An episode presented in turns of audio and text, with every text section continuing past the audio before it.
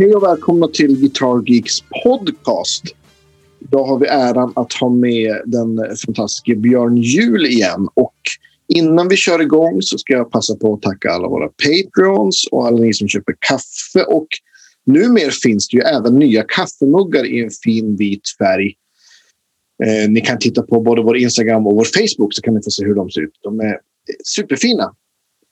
Och såklart våra, våra hoodies. Det är kanske lite för, för bra väder i, i hela vårt land för att, för att ha hoodies just nu. Men kanske i, i höst kommer den vara väldigt skön. Okej, nog om detta. Över till, till, till dagens gäst. Björn Juhl, välkommen! Hejsan! Kul att du, att du eh, ville surra en stund. Ja, ja, det kan jag göra. Ja, men jag tänkte, det var ett tag sedan vi hörde sist och jag vet att du har ju alltid en massa, massa nya saker på gång och eh, roliga designer och grejer. Och, eh, vi pratade lite förut och då, då berättade du att du håller på att du håller på att uppdatera en del designer som du har gjort förut till One Control som ska släppas i, i förnyade versioner. Och då, då, efter vi hade pratat om det så, så satt jag och tänkte på det där. Det är så att du körde bil och så blev jag lite så nyfiken på hur, hur, eh, vad du har för tankar kring då du designar en ny krets. Om det är utifrån ett ljud som du inte tycker att du har gjort förut eller om det är någon som har önskat något eller om du... Eller ja, hur, hur, hur går det till då du, då du uppfinner en ny pedal helt enkelt? Uh, ja, kan, ta en ro rolig grunka här. Jag blev tillfrågad från vår kontroll om jag möjligen kunde göra en, en version av Maestro eh, Brassmaster. Just det. Och då tänkte jag så att jag undrar om inte eh, King of Cheese John Essing kanske hade en sån där i sin påse när han kom med alla sina cheesy fastpedaler. Så att jag skulle reparera dem. Och, eh, åtminstone ett par av dem var, var, så konstiga att jag var tvungen att ringa honom och fråga du kan inte du komma ner till min verkstad och, och, och avgöra om de här fungerar? För att jag har alltså reparerat det som är fel men jag tycker att de låter så märkligt så att jag är inte så säker på att, de ska, att det ska vara så här. Kom ner och sen så intervjuade jag honom om det. Och, och, eh, long story short så gjorde jag Candy Apple Fuzz som ett eh, så här, statement efter samtalet med honom om, om vad som var bra med fantastiskt. I alla fall, det slog mig att nej, en sån här hade han kanske inte. Och det roliga är att jag hade gjort tre stycken fassar innan som jag tänkte jag ska intressera One Control för att göra vintagefassljud. För vintagefassljud är lite kul, eller hur? Ja, det är alltid kul. Ja, jag tycker vi slår ett slag för fassgitarrens betydelse i samhället. Ja, man, man kan alltid ha en fusspedal till också. Eller hur? Ja, det kan man också ha. det kan man också ha. I alla fall så hade jag gjort tre stycken olika fassar som och då hade jag ändå funderat på, nej, jag skulle vilja göra sådär ett knäppare fastljud. Ett fastljud som är knäppt så att uh, så att det är, är, svårt. Så att jag tycker att nej, men det här är, är knepigt. Jag försökte föreställa mig vad det skulle vara. För att jag menar, man, man har ju hört med allsköns fastljud. det måste ju finnas någonting som jag gillar som jag tycker är så här, ja, nu då så började jag i alla fall titta på det där med med uh, Brassmastern och insåg att oj, det här schemat det är ju faktiskt förmodligen ganska felaktigt från, från, från fabriken. Så att här kommer det krävas lite detektivarbete i transistorteknik hur man har tänkt sig. För det, det här såg ut lite grann som någonting som eh, ja, någon sån här Eh, Bob Moog eller så kunde ha ritat. Så det var lite märkliga grejer. Men jag tittar på det och insåg att jaha, men vi kan, kan vi då analysera steg för steg och så börja göra, eh, hålla på med den här. Och så insåg jag att jag måste ju ha lite fria händer här för att eh, vi får ju lov att uppfinna lite baklänges. Och Ja, det där alltså med, med fortfarande i minne att det vore roligt att göra något riktigt knäppt fastljud. Men det som det där resulterade i det var ett riktigt knäppt fastljud. ett sånt där som man... Faktum är att jag, jag började koncentrera mig lite grann när jag höll på med ljudet. Jag tänkte att man måste ju kunna få det att låta som sån här mässingsorkester som, du, som de sa att man skulle få det att låta som. Kunna låta som tuba och... Ja, jo, jo. Det, det finns ju med på första plattan där med, med FZ1 och sådär. Så jag tänkte att ja, det här måste vi bara prova. Och till slut så fick jag faktiskt till någonting där jag kunde få som lät överraskande mycket som ett sånt här vet, tuba-ljud i ett elektroniskt dragspel från 72. Ett sånt som man kunde ha på, på Ålandsbåten när man spelade liksom alla låtar. Mm. Hela, ja, ja, med inbyggd trummaskin och sånt. Så här, lagom cheesy. Och, och, det där var ju lite kul. Uh, nu vet inte jag hur nära jag kom den där uh, originalet för att uh, jag hade inget sånt att tillgå. Men, Men jag, tyck, jag tyckte ändå att... Utifrån hur du mindes det och den eh, krets som du hade hittat, eller? Ja, jag tror att jag utgick mera från något, något sånt här ljudminne. Att det där är... Så där ska det låta ungefär. Men då gör så du, är det.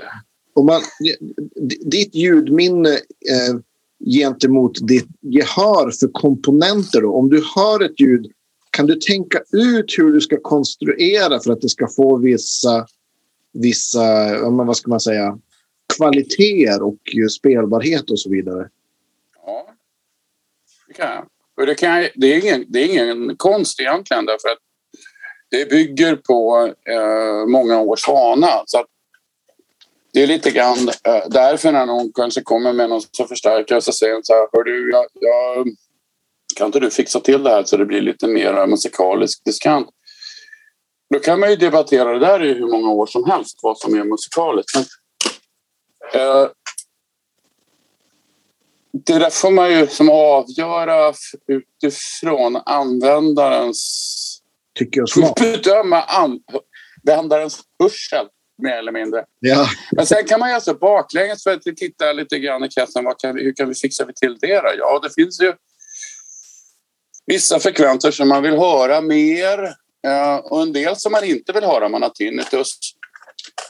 Och en del som man vill höra fast man inte tycker att det låter så bra. Men om det inte finns, bara den frekvensen, men om de inte finns där så är det något som är tomt i ljudet. Ja. Och sen är det ju så här också, för att jag satt och tittade på det. Apropå det, för att jag satt och tittade på det med när jag skulle uppdatera Eh, modell G. Jag hade på den en C-kontroll som var tänkt att ge den där, det där knorret som man får i Celestion.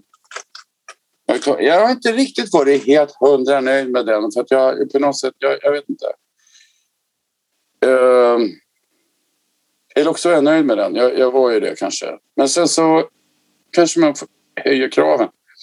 Så jag tänkte, nej men jag ska nog faktiskt då och lösa det här. För man skulle vilja ha, den där är ju bra, man skulle vilja ha lite mer diskant.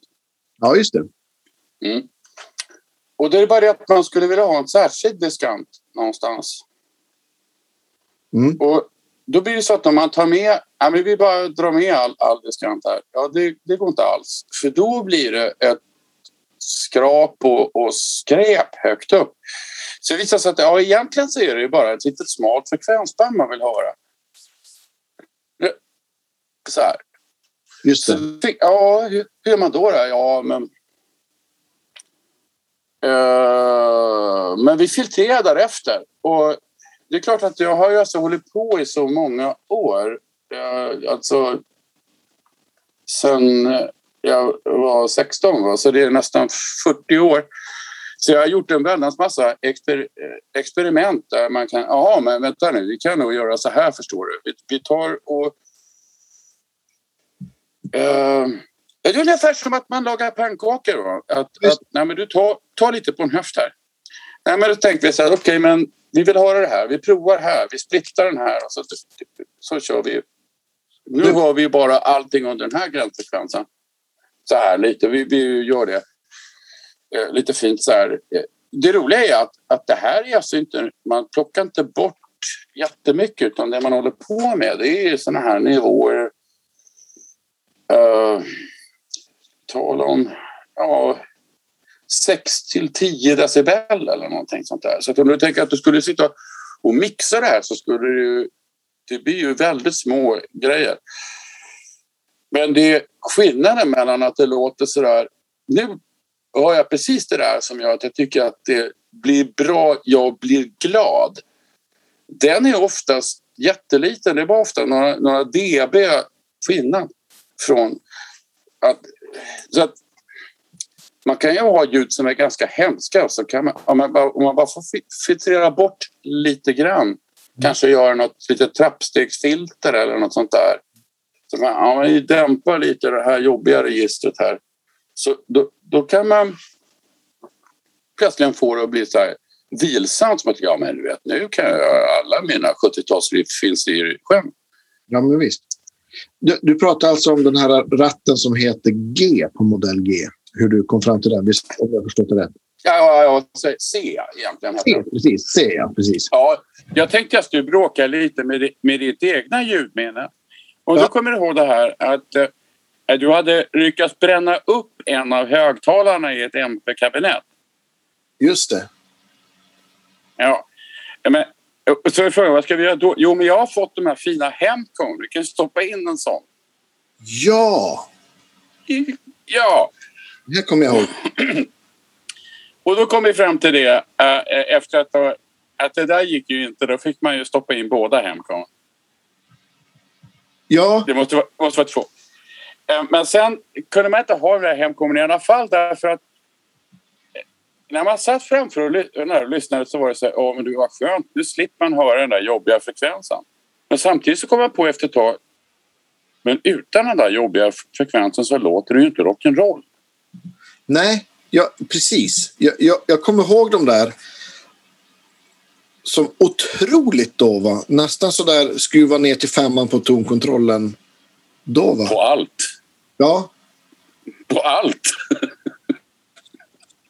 Ja, vi, vi, vi, har tagit alla studions uh, mattor och lagt över högtalarkabinettet ungefär. Jag försöker komma ihåg vad det, satt, vad det satt för någonting i den där. Det var en 212 om jag inte minns fel. Mm, det satt någon typ Vintage 30 eller något liknande. Ja, säkert. Nå något liknande. Någon sån här lite sta mera standard. Och de är nästan bra. Ja. Man blir inte helt glad. Jag tycker de är jättebra på hårt distade ljud. Alltså, mer, alltså om det är hårdrock eller metal tycker jag Vintage 30 är jättebra. För, för mer klassisk rock så tycker jag att då är det, nog, då är det liksom greenback eller 20 watts greenbacksen som är bättre. Mm. Ja. Jo, men det är sådär. De, de där är ju liksom nästan bra. Eh, I vissa lägen sitter de som en mäla. Absolut. Men det är inte så kul att spela så här lite halvskitiga ren, rena ljud på en, sån. Då är det lite för mycket eh, diskant som är lite för vass tycker jag. Ja, det är byte uh, jobbig övre mellan egentligen. Att sen blir det lite... Som, den, den, den ligger precis där diskanten byter namn, eller på att säga. Mellan, mellan.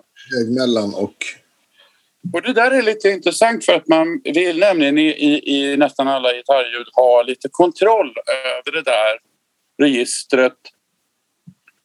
Det, precis där diskanten byter namn, där man tycker att det här är mellanregistret, det här är ett skant.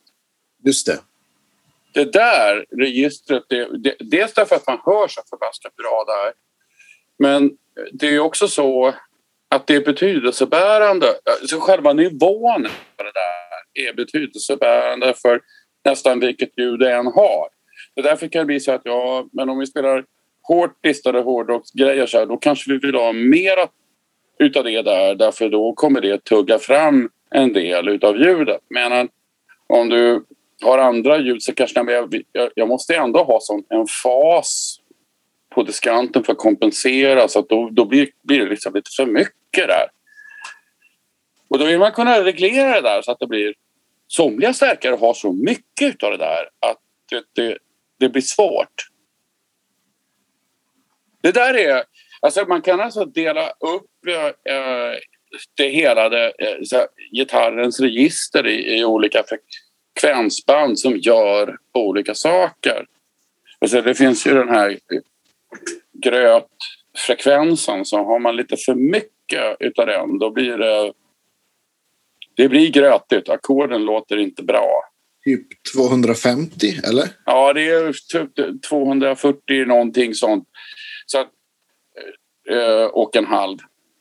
Den normerade frekvensen. Men det där brukar alltid hamna... Har man någon, någon sorts reglage så blir det ungefär 250. Just det. Precis. Uh, ja, det är alldeles precis i närheten där. Så... Uh, jo, men så, så brukar man på gitarr kan man tycka att nej, men vi kanske vill ha lite vid 800 för att man hörs bättre då. Ja visst, och det är en frekvens som kanske inte är den mest smickrande och roligaste. Nej, det är inte helt va. men, men det är väldigt mycket träff där. Ja, det är väldigt mycket träff. Det, det, det där är en knytnäve. Ja, en spark rätt i skallen. Uh, hur fan kan man behandla någon så? Det var en låt med Fiendens musik som var riktigt bra. I alla fall. Jo, jag tänkte vi måste få in Fiendens musik någon gång. ja, i alla fall. Uh, uh, jo. Normalt sett när man spelar in också så brukar det vara så här att om du har en hel Sabra-orkester, ett helt rockband eller vad det nu är. Va? Och så står man där med sin sin lite distade gitarr. Och då inser jag att det går inte att höja någon volym här, det går inte att sänka någon heller. Så vad man gör då är att för att man ska höras lite bättre är att man petar på lite vid 4 och 6 kHz på den grafiska EQ som råkar sitta på just på den kanalen. Så här. Oj, nu hörs åkte gitarren upp lite där. Mm. Det känns ju lite skönt. Nu blir det mera rock'n'roll. Ja, jo men så kan det vara. Men när man tittar på när känns ljud riktigt bra, riktigt kul? För det, det är det att nu har jag fått äh, möjlighet att dels göra om i stort sett hela One Control. Äh, eh, det som jag designat för dem. Och då är jag lite nyfiken. Hur, hur, kom, hur kom det sig? Var det, var det på grund av pandemin eller var det för att, för att du kände att du efter några år hade förbättringar eller? Ja, det, jag hade kunnat ha vilka förbättringar som helst kan jag säga. Men, men det, det handlade faktiskt om att rätt vad det var så sa vi måste förbättra vår lagerhållning eh, så att vi behöver eh, ändra på en del av utseendena och, och göra kartongerna annorlunda och lite sånt där. Och i, då sa jag, men du, jag kan uppdatera de här nu när vi ändå ska byta lite här. Va? Ja, just det.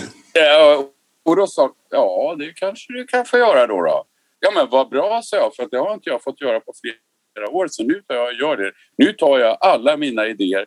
Nu, nu har jag gjort så här att nu har jag provat alla. Jag, jag ska ta reda försöka definiera dem efter en ny nivå. Nämligen inte bara att alltså man kan, varje design har jag gjort för att den ska vara bra på något sätt. Men alltså när på varje design så här vad är det jag önskat att den skulle kunna göra när jag har demat den? Just det. Till exempel. När skulle jag tycka att den... Vad skulle krävas för att jag skulle tycka att det här är riktigt sabla kul att spela på? Och utifrån de, de nivåerna så jag tittar på, på hur man ska eka det är lite ro, roligt just när vi tittar på det här med, med megadistade grejer. För vi har gjort den här gjorde nyligen om den här uh, Purple Plexifier. Ja, just det. Mm. Ja, den har jag ju testat, den, din nya version. Den, den låter ju väldigt bra. Ja, du fick ju prova den när, när, när jag hade uppdaterat. Uh, det var den som jag hade modifierat, tror jag. Precis, ja så var det. Ja, ja så, så, här ska vi börja. Men i alla fall, så fick... Så, den hade ju en liten trimpot så vi fick... Uh, uh, plocka bort den och satte den för det är, det är en svag punkt. Man tittar på sådana grejer också. Man vill, inte ha, man vill ha en mekaniskt hållbar produkt. Så Ja, ja men då kör vi fyra. Ja. Men nu när man fick upp mellanregistret och diskanten på så här. Då började jag titta på så här. Hur vill man att de där ska fungera? Hur ska användarsnittet vara? Mm. Och sen jag pratade med några som har använt Purple Plexifier länge och sådär. Så vad, vad, vad, brukar du ställa in för ljud? Och sen så provade jag det. Och så tänkte jag okej, okay, men då vill man ha de här ljuden som är oftast använda. Man vill också kunna ha de här man vill ha diskanten för att ett sånt där ljud kräver diskant. Liksom. Ja, oh ja. Ja, ja, ja. ja. Men, men, men ett av de mer använda ljuden som jag hörde från en del, ja, men det är liksom när man ställer den för ganska mycket mellanregister. Och det kan jag, jag kan begripa varför. När jag gjorde det. För, för att få bärighet om man använder den för lidljud och sånt? Liksom. Ja, precis. Han ville ha mycket mer. Det var ju framför allt för att han skulle spela lite singelstring och, och glida fram på knäna. Ja, men du vet, det, det, det, det brukar man ju göra. Det är sånt man gör. Liksom. Man, man, man, får typ någon, någon minut på sig. Okej, okay, glid fram på knäna nu. Spelar du hårdast tryck. Okej, okay. ja, ja fan. Ja, det, det är den som sjunger slutar göra det för en liten stund. Och sådär. Ja, I alla fall. Så att då börjar jag titta på hur ska man få till det där? Jo, man vill ju ha... Eh, man vill ha... Egentligen så är det så här så man vill ha allt. Kan jag få all bra diskant och all bärande mellanlista. All, allt på en gång vill jag ha. Och så lite fladder i byxorna också. ja, ja, ja. Man vill ha hela kittet.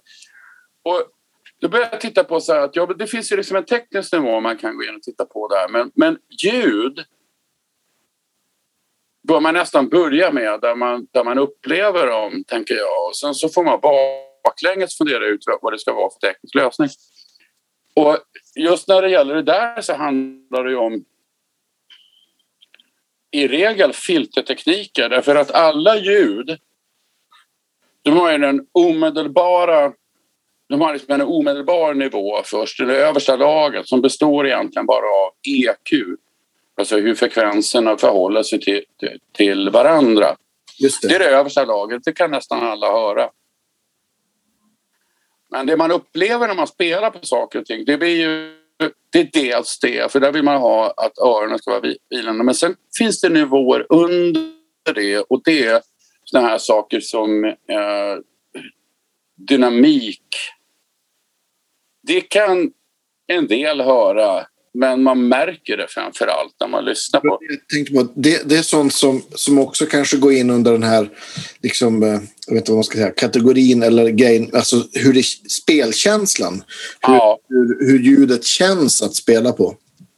Ja, jag kan säga att eh, som publik hör man om det finns det därför att det brukar påverka musiker på vilket sätt de kan spela. Ja, ja visst. Ja, så att man, man, man, ska inte... Men det är inte det, är inte det mest omedelbara. Det, det mest omedelbara det är bara EQ. Sen är alla andra såna dynamiska funktioner, vilka... Eh, eh, eh, det är dels övertonsproduktion och sånt där, som, vilka överton som är eh, representerade i ljudet. Men det, där igen så styrs det mest av det översta laget av EQ. Allting i, i laget under det, där har du alla såna här eh, funktioner som hur volymkontrollen fungerar, hur, hur eh, bärigheten eh, eh blir nej, på, på en, eh, en, eh, en klingande ton. Så, här, som. så man vill ju titta på den där spelbarheten också och att det liksom svarar på rätt sätt. Sådana där ljud vill man ju att de har ett... Även om alla, alla toner på halsen har ungefär samma värde så vill man ändå att det finns ett dynamiskt uttryck, nämligen en skillnad mellan ljud och tystnad egentligen. Just det. För det är så man skapar takten. När du har eh, när du har liksom ett ljud som är så mättat att det finns egentligen inte något...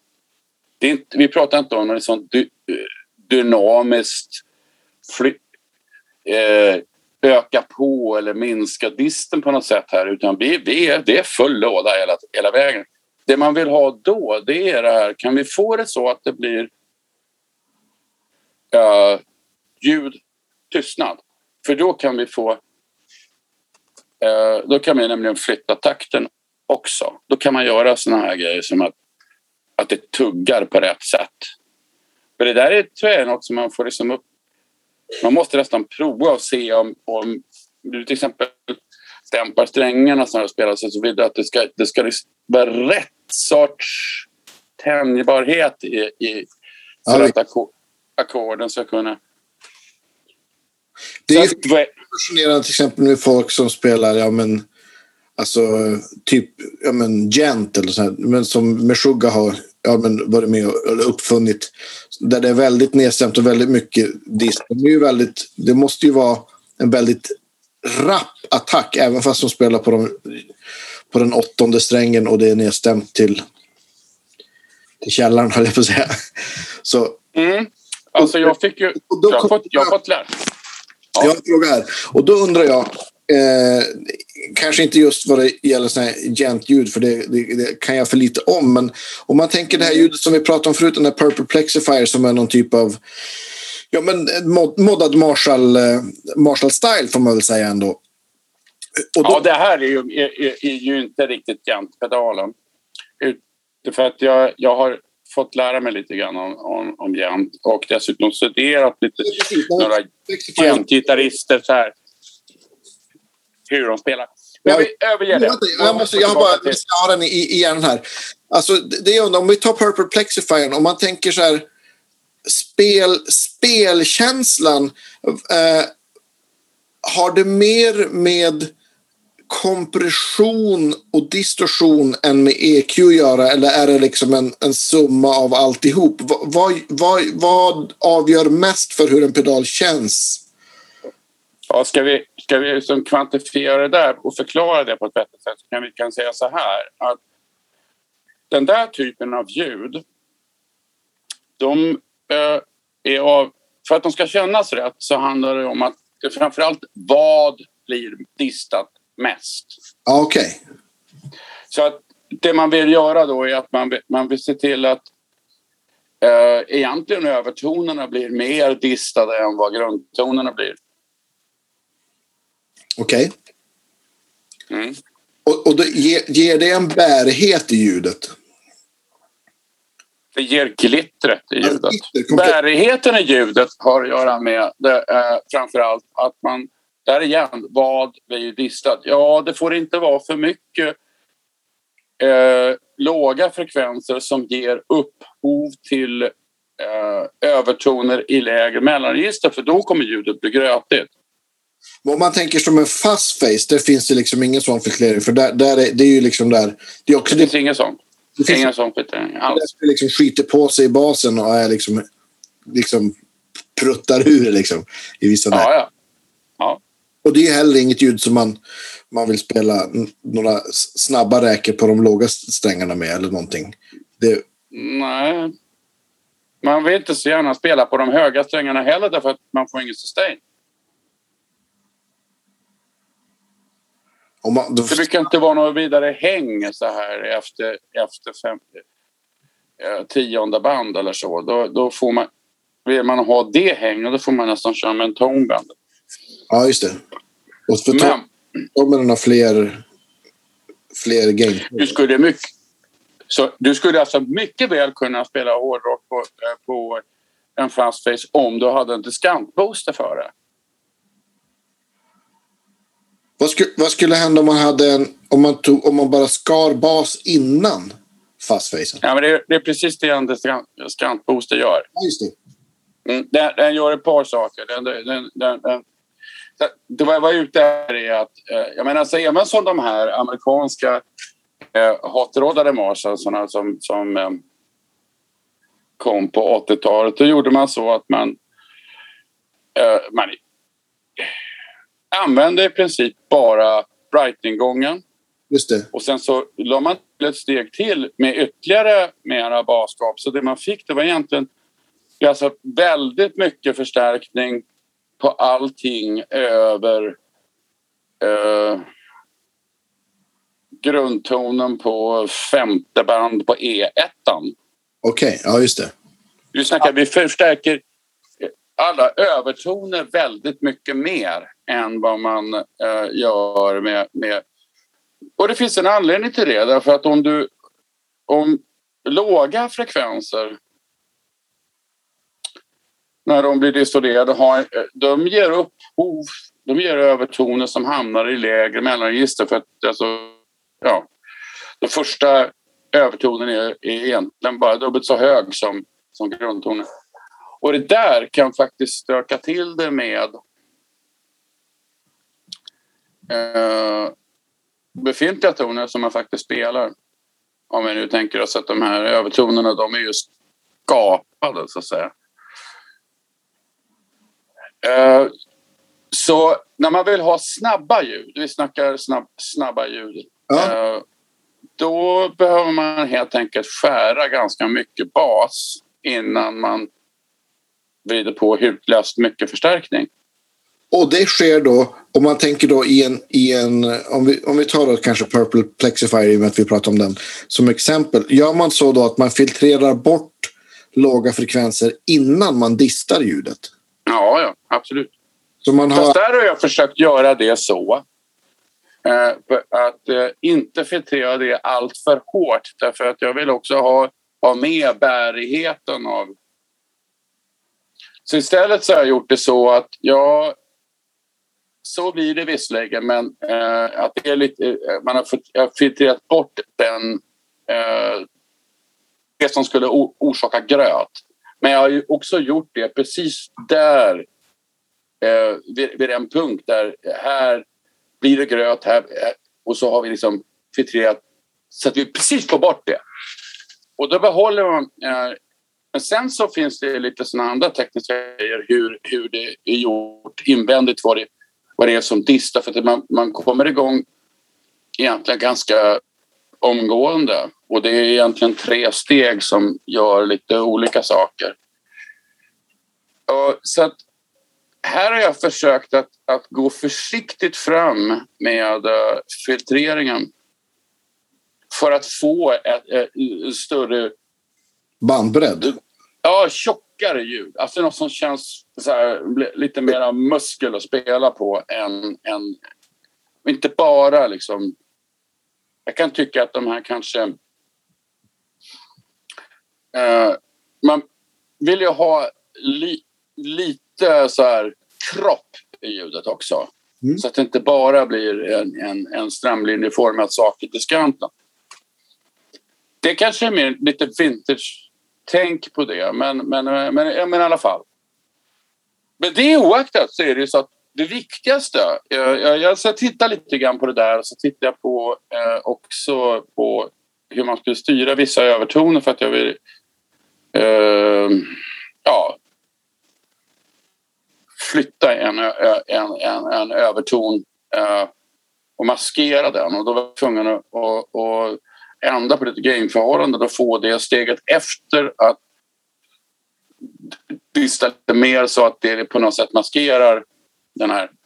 Ja, just det. Men i slutändan visar man måste alltså polera ljudet för att när du kör in det där i en, i en drill så vill du ändå att det låter så, på riktigt, på allvar. Det som kommer ut. Sen ska det ju kännas lite lite kul också. Men... Uh, jo, men alltså man måste uh, kapa ganska mycket bas. Men man kan göra det på många olika sätt. Och det är också så här. Det fanns ju ett symposium jag var inbjuden till om den korrekta uh, frekvensen att ha att boosta diskant. Och då är Bosse Winberg där också och visar sin förstärkare. Men jag kunde tyvärr inte komma för här var ute i landet. Jag hade ingen möjlighet att komma dit. Men jag hade gärna kommit i retrospekt. Hade jag gärna kommit. Men jag tog i alla fall äh, fram en, eh, ett inlägg i debatten. Att jag menar att det finns inte en given frekvens som, du, som är den korrekta bostadiskant utan det är inte det som är grejen. Utan grejen är med vilken vinkel gör du det? Hur, hur, fort, hur snabbt faller det? Efter... För du vill ju inte liksom att det bara blir spink kvar. Du vill ju ha lite kropp också. Ja, och, och, och, du tänk, och precis, och jag tänker också på om man, jag som har mixa saker också, så tänker jag på alltså Q-värdet som betyder hur brett man boostar. För att om man tänker på, på på en EQ på, på, ja, men på, på, på ett mixerbord eller, eller till, till mm. anläggning. Så, så om, du, om du vrider på, även om du vrider på basen, vrider du nog länge så följer det med mellanregister också. Att det rör sig liksom ut från sidorna så att man ökar aldrig bara. Ja, det här skulle, just den här grejen skulle vara ungefär, om du tänker att du har ett mixerbord så har du bara diskantratten och sen så funderar du på var ska den sitta? Okej, okay, jag förstår. Just det. Och då, normalt sett så brukar det vara så att man, man tittar på eh, ett fall av 6 dB per oktav. Och så har man då... Eh, så att om du... Eh, om max boost eh, är vid 20 hertz så faller den 6 dB per oktav och 20 dB per eh, dekad. Ehm, så att vid... Om vi sa att det var vid, vid vad sa vi, 10 kHz så är det nere vid 1 kHz så är det nere 20 dB. Ja, det hör till saken att det där blir inte så musikaliskt för att man, man det, det, det, det blir jättebra om man kör på hi-fi och det ser fint ut på pappret men det låter inget bra. Men det jag var ute efter här var, var det att det kanske inte är så att man ska ha 6 dB per oktav. Det kanske är så att man ska ha trappsteg istället. För att man vill ju egentligen höra vissa frekvenser lite mer. Och då, och då kanske man inte behöver ha eh, 20 dB utan man kanske bygger sig en trappa. Så att man får eh, vi tar bort lite grann av, av rummelbasen vi flyttar upp lite grann av bärigheten och så lägger vi på lite eh, sprill precis där det sprillar och sen kapar vi av. Så jag menar att, och, och det här gör man med, med typ eh, 3 dB lutning, alltså mycket, mycket svagare lutning. Och då kan man hålla på med, eh, med mycket mildare filtrering och det, det roliga då är att eh, det där eh, mildare filtrering påverkar vågformen mindre. Alltså du, du vet att om du börjar EQa mycket så låter det plötsligt väldigt konstigt. Ja, för att det händer saker med fas så fort man EQar. Ja, det blir lite fas och det blir lite distorsion och det blir lite allt möjligt. Men jag menar att här skulle man kunna göra detta med passiva filter och då kan man bygga tra trappsteg. Det här är ingenting som man har lärt ut i, i i elektronik sen typ 67 eller något. Men, men det, är, det, det är riktigt, riktigt bra. Eh, alltså riktigt bra mixerbord är gjorda på det här viset att man har mildare eh, filtreringar. Och jag menar att man ska använda det eh, för att oftast så, som jag sa, skillnaden mellan att ett ljud låter så här knäckande bra. Du vet, så att man bara, men vad är det där? Det måste bara ha! Eh, eh, till att, ja, det där kan man kanske leva med. Det är oftast, eller rätt ofta, är, är, är det faktiskt bara en EQ-fråga. Att man, man, man vill höra liksom rätt Sen när man väl börjar spela på det så blir det, ja du, det där lät ju bra när, när Nisse Gander spelade men det låter inget bra när jag spelar för att jag har inte samma anslag. Nej, just det. Nej, nej, men så kan det ju också vara. Men det är en annan nivå. Ja. Den här översta nivån, den är bara EQ. Ja, ja. Ja, ja, nej, men... Ja, det är jätteintressant. Ja, ja, men det, det, det är det här man gillar, liksom, att det låter liksom på rätt sätt. Det, det översta lag, lagret. Ja. Det är det första man märker. Sen kan man liksom processa eh, ljudet mera i sina beståndsdelar. Men det, det, man, samtidigt, och du tänker, du vill ju ha såna här gitarrljud så att folk faktiskt vänder sig om och undrar vad var det där? Jag måste gå och kolla på det. Ja. Det är sådana ljud man vill ha. Och det värsta är, alltså, så fort man hör någon som har det så, så, så får man ju det där beteendet. Jag måste gå och kolla på vad det där var. Absolut. Så är det ju. Ja. Så jag tycker man kan, man kan bejaka det. Jag tycker att man kan faktiskt försöka få till ljuden så att de blir sådär. Sen är det ju liksom en fråga om hur kan, hur kan vi omvandla det tekniskt? Ja, efter att ha hållit på i 40 år med filter så det är klart att jag har en del tricks i, i, min, i mina lådor. Ja, så så är det ju. Men, men sen får man ju liksom varje dag lära sig något nytt som att jaha, men du vet, vi skulle egentligen, för att, som med den här Model G när jag gjorde en ny Sera. Att, ja, det vi behöver ha, det är en extremt mild filtrering som bara lyfter fram så här, typ med tre decibel precis det där som man vill höra utan att ha med sig resten. Mm. Ja. Och då blir det så här, ja men vi kan sätta det på rätt så att man kan driva det bara lite. Så, och, och, så, så, att, så att man har lite spann så man kan hitta den där, ja, ah, nu är det bra. Men, ja, och det kan ju bero på vilken förstärkare man har då, eller till och med... Vilken... Ja, det gör ju det. Jag kan säga att det där är någonting som jag är så glad över idag och någonting som jag bygger på eh, konstant det är att jag försöker ju då skaffa eh, så här, normerade eh, förstärkare, sådana som... Och, och sen så skaffa en del lite så udda grejer som man vill, eh, andra högtalare för att man vill att, kunna höra. Har du, då du, ja, men du nämnde en DeVille förut, det är ju kanske fortfarande världens mest vanliga backline-förstärkare. Jag misstänker att den använder du hela tiden för att... Ja, jag du, kör den värde som, som... Ja, den är lite industristandard, tänker jag. Så att jag kör den gärna. Det ska låta bra i en sån, helt enkelt. Ja, men sen, ja det ska det. Men sen vill jag ju också samtidigt att det låter bra i andra grejer. Ja, visst. Och då blir det gärna så här, jaha. Eh, det finns ju vissa grejer man, man skulle kunna EQ på ett sätt så att det låter eh, bra i debillen, men då funkar det inte på något annat. Nej, just det. Eh, men, men, men det är väl svårfrånkomligt, jag höll på att säga, inte därför det finns så många pedaler också, för det finns så många, dels olika typer av, av eh, ja, men, smaker och ljudideal och även användningssätt och vad man nu stoppar in sin pedal i för något. Om det är en spikrent Twin eller en Marshall Well State eller en ja, vad vet jag, en JCM 900 som distar lite så, är, så kommer man ju få helt olika resultat.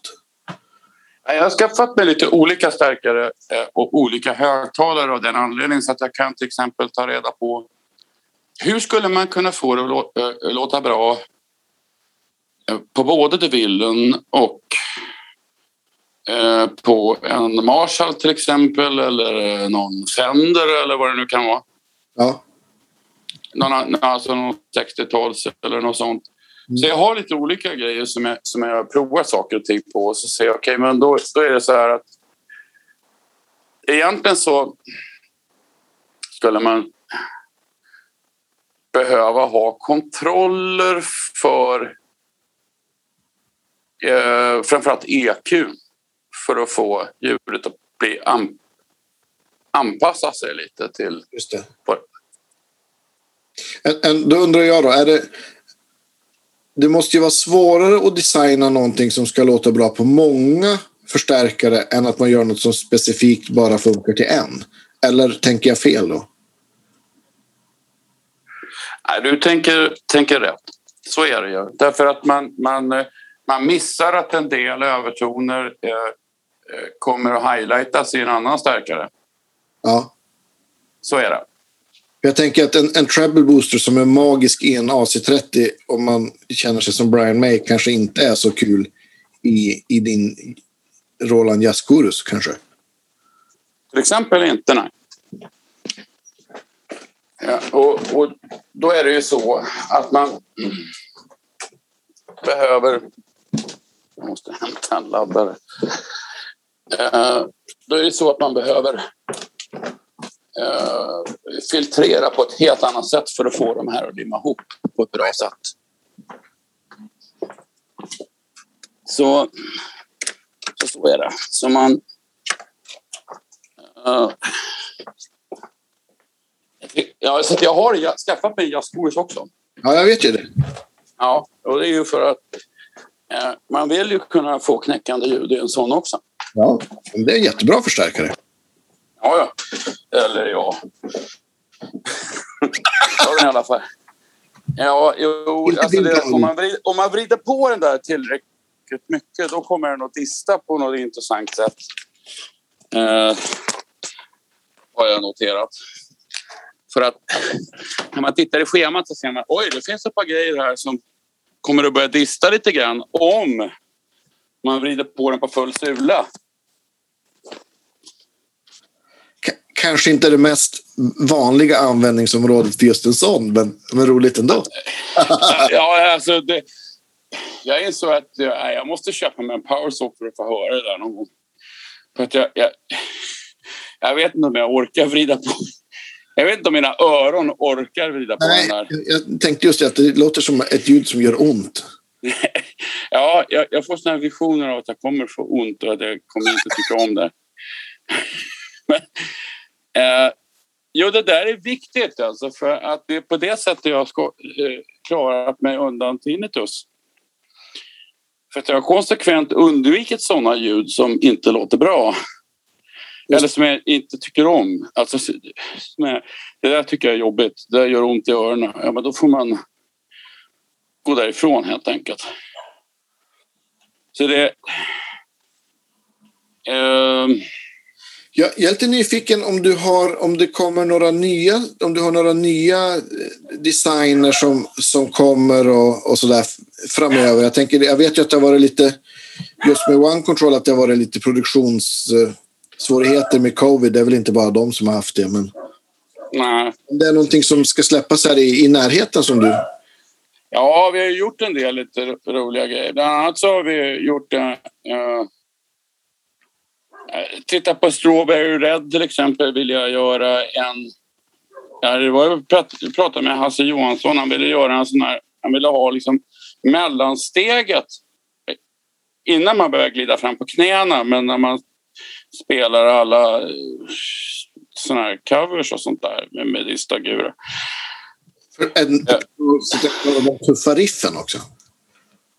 Ja, du vet. Man, man, ja, lagom. Lite, ja, disten, men det, när man så. Och han ville använda den till det, men den hade för lite diskant, så vi tittade på det. Och så gjorde vi en, en RC-variant som faktiskt äh, står för Red Current för övrigt. Ah, cool. Äh, ja, men äh, som då har bättre diskant och, och, bättre genomsynlighet, men också samma dynamik. Så den, den där är ju en klar favorit. Men Sen tittar vi också på att göra en uh, Deluxe Edition Strawberry. Okej, okay. nu snackar vi. Ja, ja, vi, vi snackar Deluxe. Det står det på, Deluxe Edition. Bara där. och den har naturligtvis eh, både bas, mellan och två diskantkontroller för olika lägen så man kan anpassa den till olika stärkare. Är den sexrattad alltså? Ja, det är en sexrattad. Oj, oj, oj. Ja, och den är riktigt kul för att man kan ju alltså anpassa den till nästan vilken förstärkare som helst. Men, men då är det ju en, då är det inte en liten pedal som, som Strawberry var från början utan det är då en, en, eh, en MXR-sizad pedal stor som ja, det är ju en... och Baby Bloom och, och den Ja, precis. Dino Red. Men det, men det är ju en Strawberry Deluxe Edition. Ja, visst. då är det ju större. Då har man ju fått både liksom gurkmajonnäs och räksallad och hela paketet. Och rostad lök. Ja, ja, och rostad lök. För fan. Alltihopa. Hur är, hur är gain-nivån på den då? Jo, den uh, har väl tillräcklig gain-nivå för att du ska kunna spela uh, en eller annan cover med, med uh, Green Day eller så. Ja. Och du vet ungefär hur mycket det blir. Ja, men visst. Ja, jo, men ungefär så. Jag tänkte att jag skulle hitta något, något, sorts, något, något sorts mått på så här mycket distera. Just det. Ja. Och jag är lite nyfiken på hur du har tänkt när du har... Du säger att du har bas, mellan och två diskanter. Är det då treble och presence? Det skulle man kunna kalla dem. Va? Och, och det är ju så att, att den ena diskantkontrollen reglerar diskant ganska högt upp. Där diskanten har definitivt bytt namn. Och den andra den reglerar ett område där precis diskanten byter namn från mellanregister till diskant.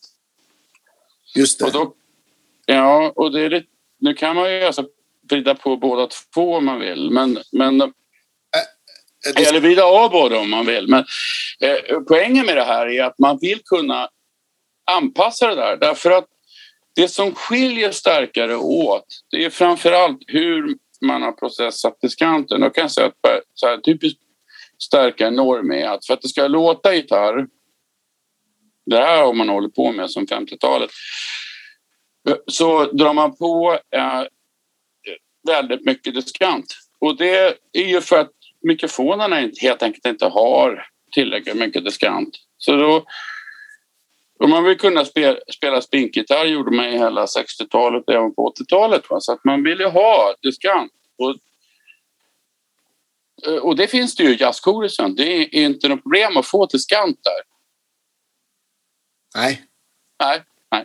Just det. Det är snarare problem. Hur ska vi bära oss åt för att ratta bort den del av diskant som, som vi inte vill höra? Det är snarare ett problem. Man ska börja dista och så. Även med pirat? Ja, jo, ja men ja. Alltså jag tänkte att då vill man ju kanske ha tillgång till eh, EQ så att man kan komma åt de här eh, så att säga, signaturdiskanten som finns i olika stärkare. För det, det som skiljer de flesta stärkare åt det är hur mycket har man dragit på diskanten och hur mycket har man dragit av mellanregistret och var gjorde man de här två sakerna. Eh, men det är ungefär det som man, eh, för att det ska vara en gitarrförstärkare så då har man dragit av mellanregistret och så har man dragit på diskanten. Då blir det en gitarrförstärkare, så enkelt är det. Men sen är det hur mycket gör man utav vardera för att det ska låta rätt.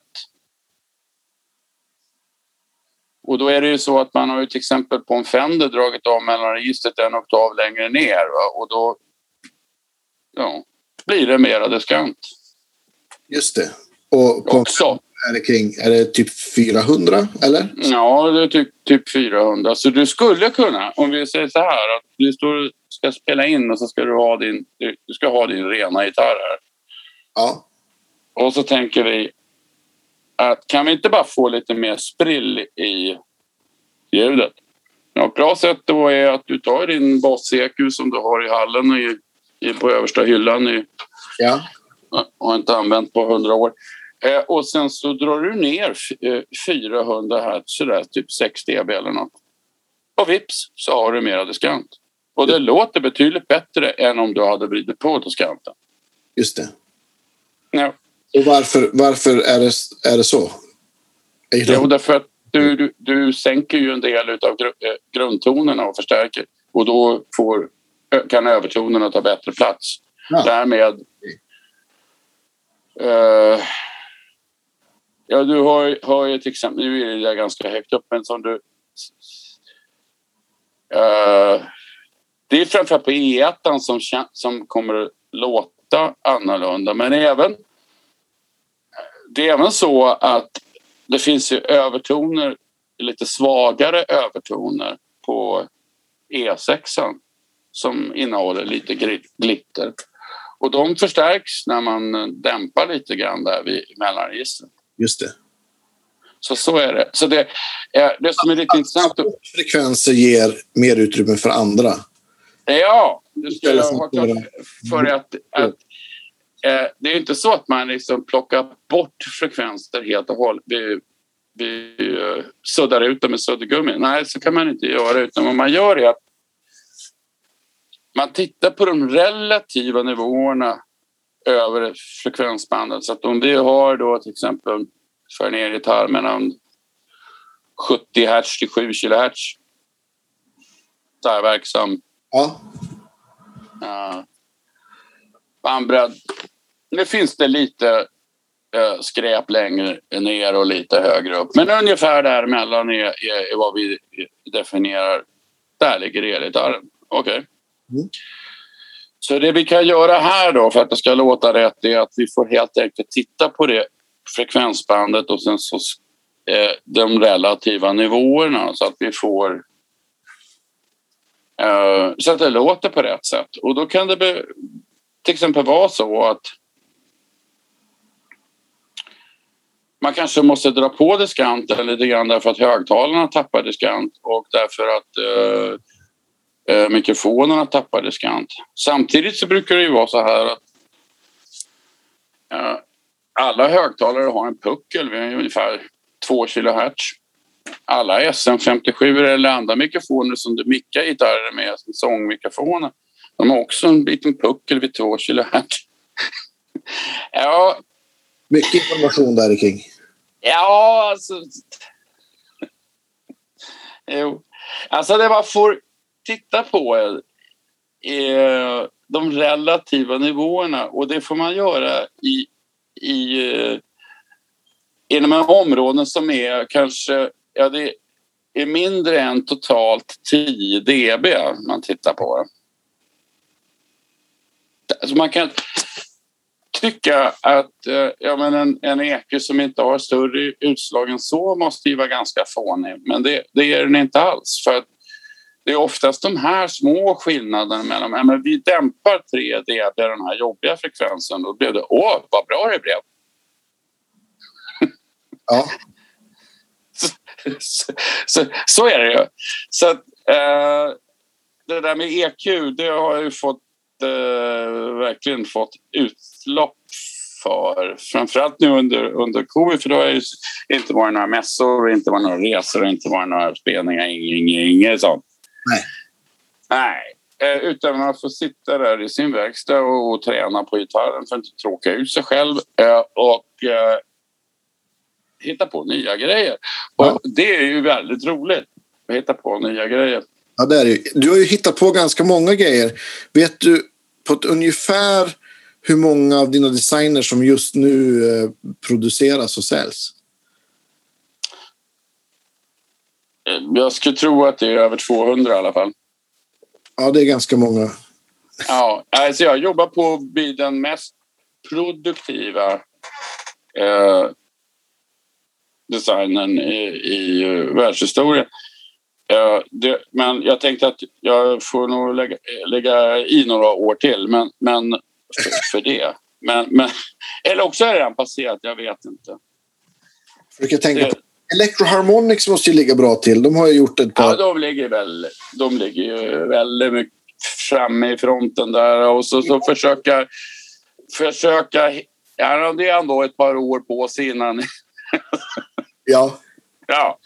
Så att du vet, det där, ta sig förbi Electroharmonics, den är ju lite tuff. Ja, men du är på god väg.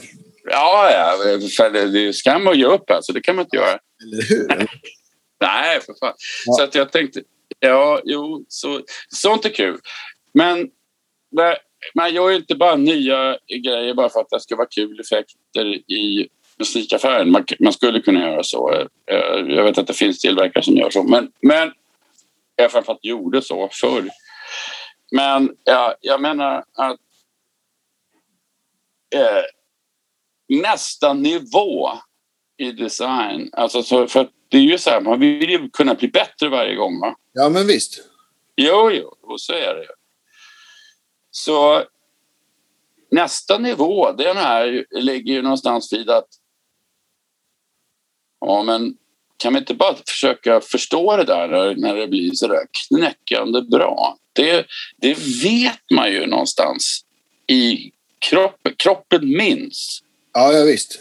Du vet.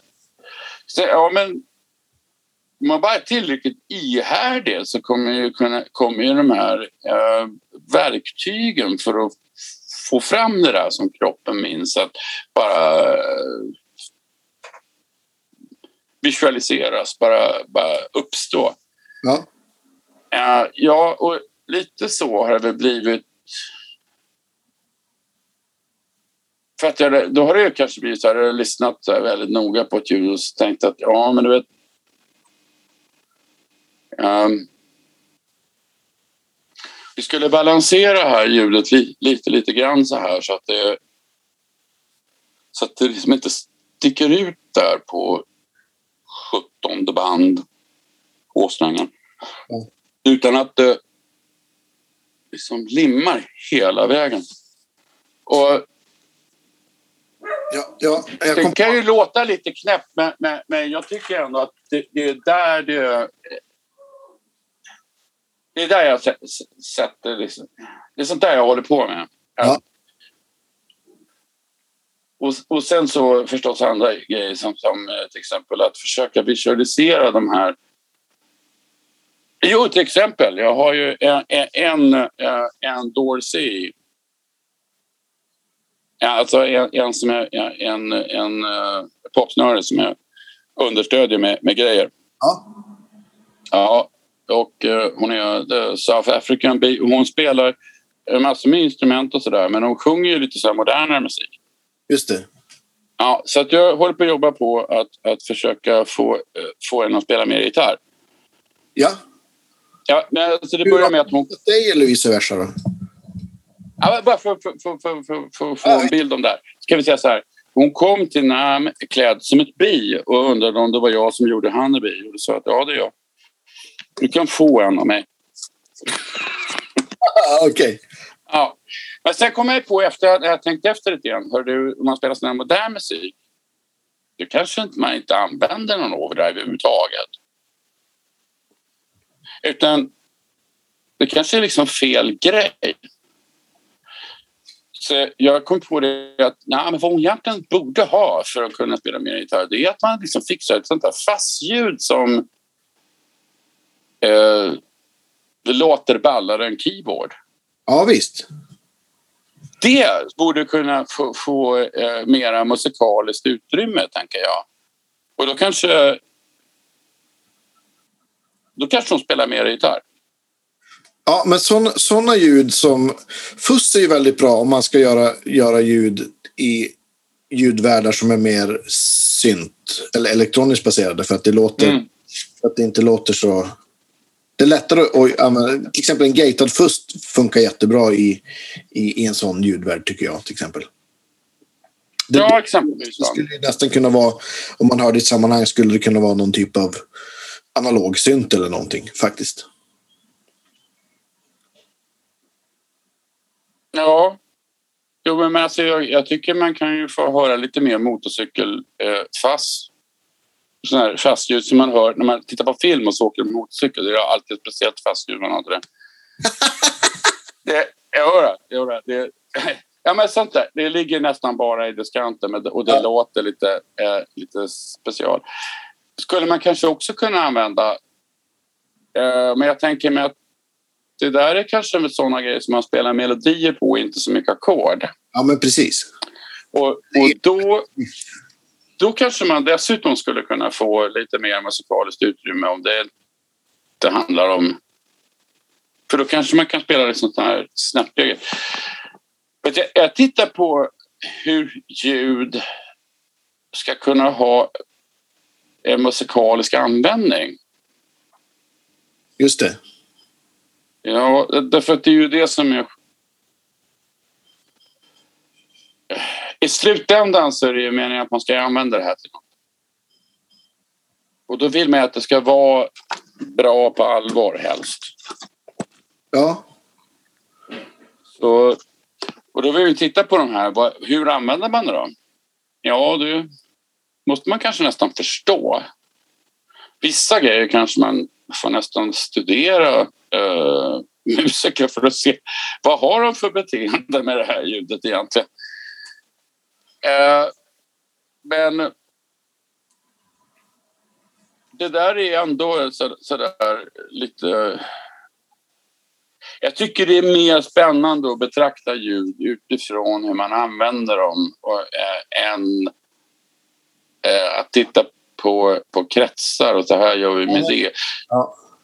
Det, det, det är liksom roligare att säga, men hördu, jag skulle vilja ha ett, eh, jag vill ha eh, eh, rekoeffekt som inte... Den första reflektionen låter nästan som eh, grundljudet men att det sen inte tar plats, inte hindrar vilken takten man spelar i. Uh, ja, jo. Jo, men det där kan man förstå som funktion. Och sen kan man bara, ja, men hur gör vi det då? Ja, det kan vi fixa tekniskt. Det var inget problem. Nej. Uh, men, och det är en filtreringsgrej om man... Ja, det, det, ja, framförallt så vill man ju då att de här returerna ska filtreras på ett visst sätt. Man får gärna dista lite grann också. Precis.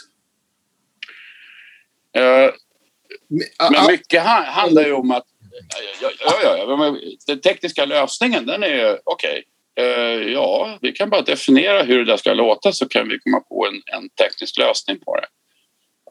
Men kan man, fråga då, kan man, kan man få ett, eh, ett kan man filtrera ett digitalt modernt delay filtrera och dista så att det låter som ett Bucket Brigade chip?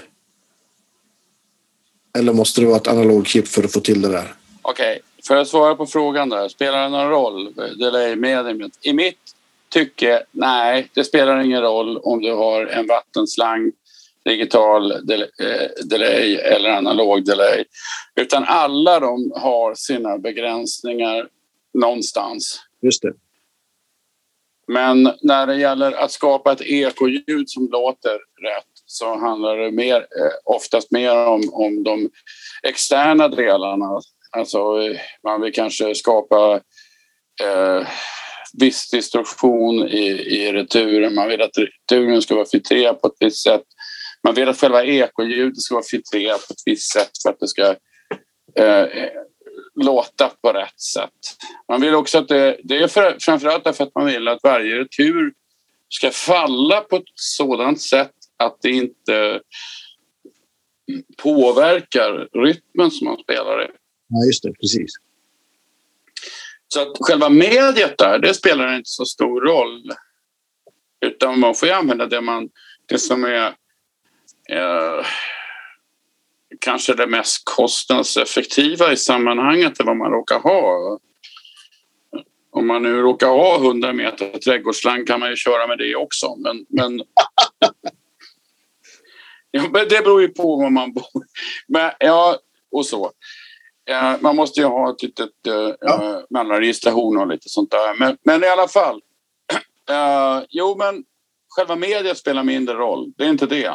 Och, och det är ofta så med, med ljud och hur de hänger ihop med tekniska lösningar. För att exempelvis när jag gjorde de här fastpedalerna, så tre stycken, så började jag med att göra, okej, okay, första tittade jag på så att ja, men vi gör så här som man gjorde förr.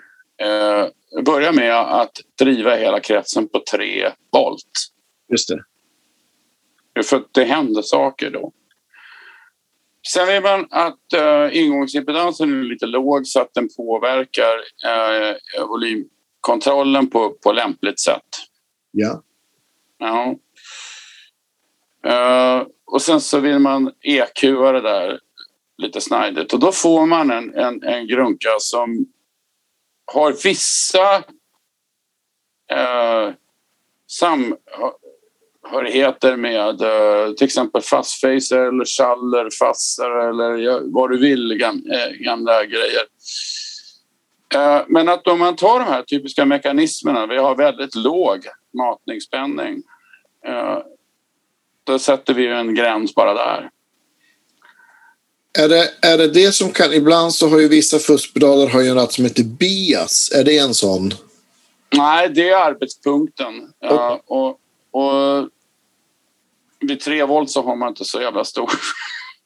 Men man kan behöva en biatratt på, på saker med germanutanstorer därför att de på, arbetspunkten påverkas av temperaturen och därför om det kan det vara så att om man, är, eh, om man spelar till exempel i Texas så kanske man måste lägga sina fastpedaler i kylen en timme innan man börjar gigga. Mm.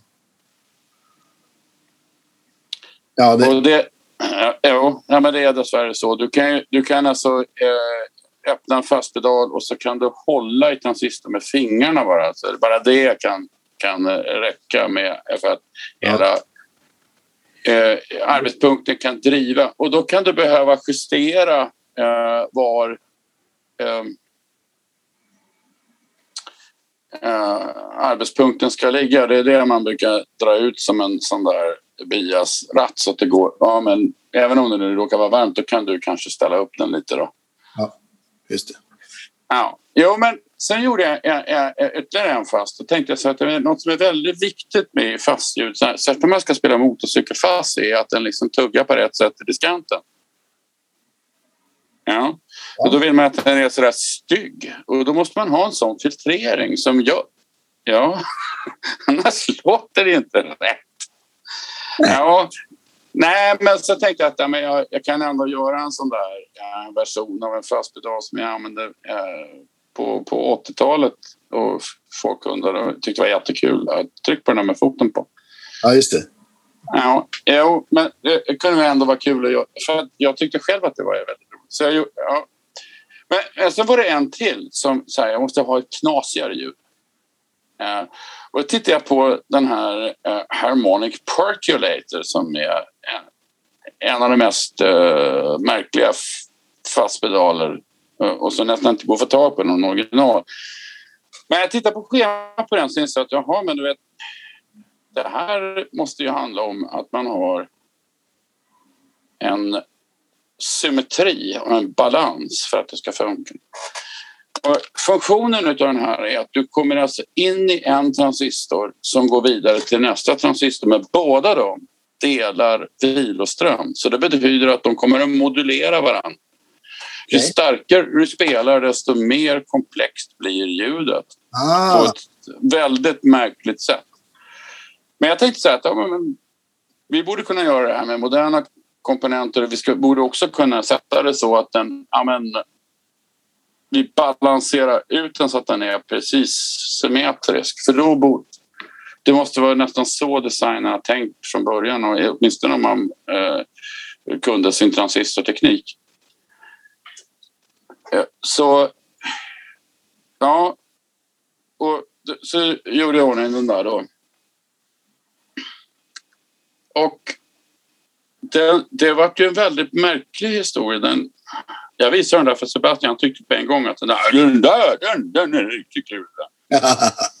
ja, den är bäst. Ja, jo. ja, det är klart att den är, för den var ju mest skruvade. Ja. Självklart, den mest skruvade.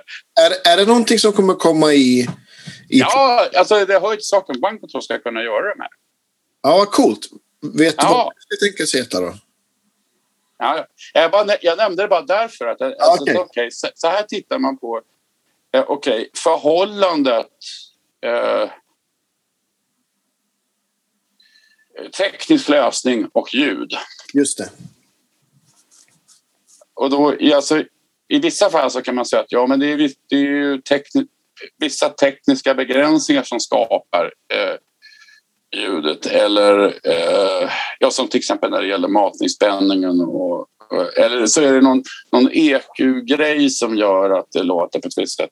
Eller eh, vi kanske till och med bara, bara för skojs skull ska ta någon sån här riktigt udda, svår, jobbig krets som är ett elände att få och, och, och så eh, applicerar vi lite modern teknik på det och se, se till att det faktiskt går att göra. Sen så kan man liksom göra det där som det där kommer aldrig att gå. Jo då, det, det kommer visst gå. Vi ska eh, plantera äppelträd i sten också. Det låter, ja. låter massa, massa roliga saker. saker ja, ja, ja, ja, ja. Men, vet, det, så, jag är vansinnigt svag för fastighetsgitarr själv. Alltså jag, jag kan tycka att det är så sabla kul. Jag, jag, både att lyssna på och spela, men, men framförallt att lyssna på. Alltså, ja, jo. Alltså när det är rätt applicerat så är det ja, fan, det här var hårt. Ashårt. Det vill jag också göra. Ja, ja, ja. ja, ja. Man blir glad av Man blir glad av fast Exakt. Vi ska, vi ska faktiskt ta och börja runda av här. Vi ska kunna prata i hundra timmar till, men jag tänker att vi, vi, vi återkommer hellre än ett par gånger till. Det finns ju alltid, alltid massa uppslag att prata med, med dig om. Så mm -hmm. vi tackar återigen Patrons kaffemuggköpare. Glöm inte bort, vi har nya jättefina vita kaffemuggar nu. Och tröjor finns det också. Och ett extra tack till, eh, till dig Björn. Jättekul som alltid och uh, språka kring jul. Kring jul? Kring ljud! ja, ja, kring, Varmt kring ute, jul. Ja, det, vi kör mycket jul här. Ja, det- ja, Jul. ja. Exakt. Alltså du får ju kanske förmodligen komma ut och filma hur, hur de här grejerna låter. I alla men fall det- jag ska åka hemma. Det vet jag att, att jag ska. Vi kanske... Ja, ja. Ja, ja. Jag tänkte du kanske blev lite nyfiken där. Ja, ja, men jag, jag, kom, jag kommer ut. Det, jag lovar. Stort tack för idag. Vi hörs igen nästa Ja. vecka. Det gör vi. Ha det bra.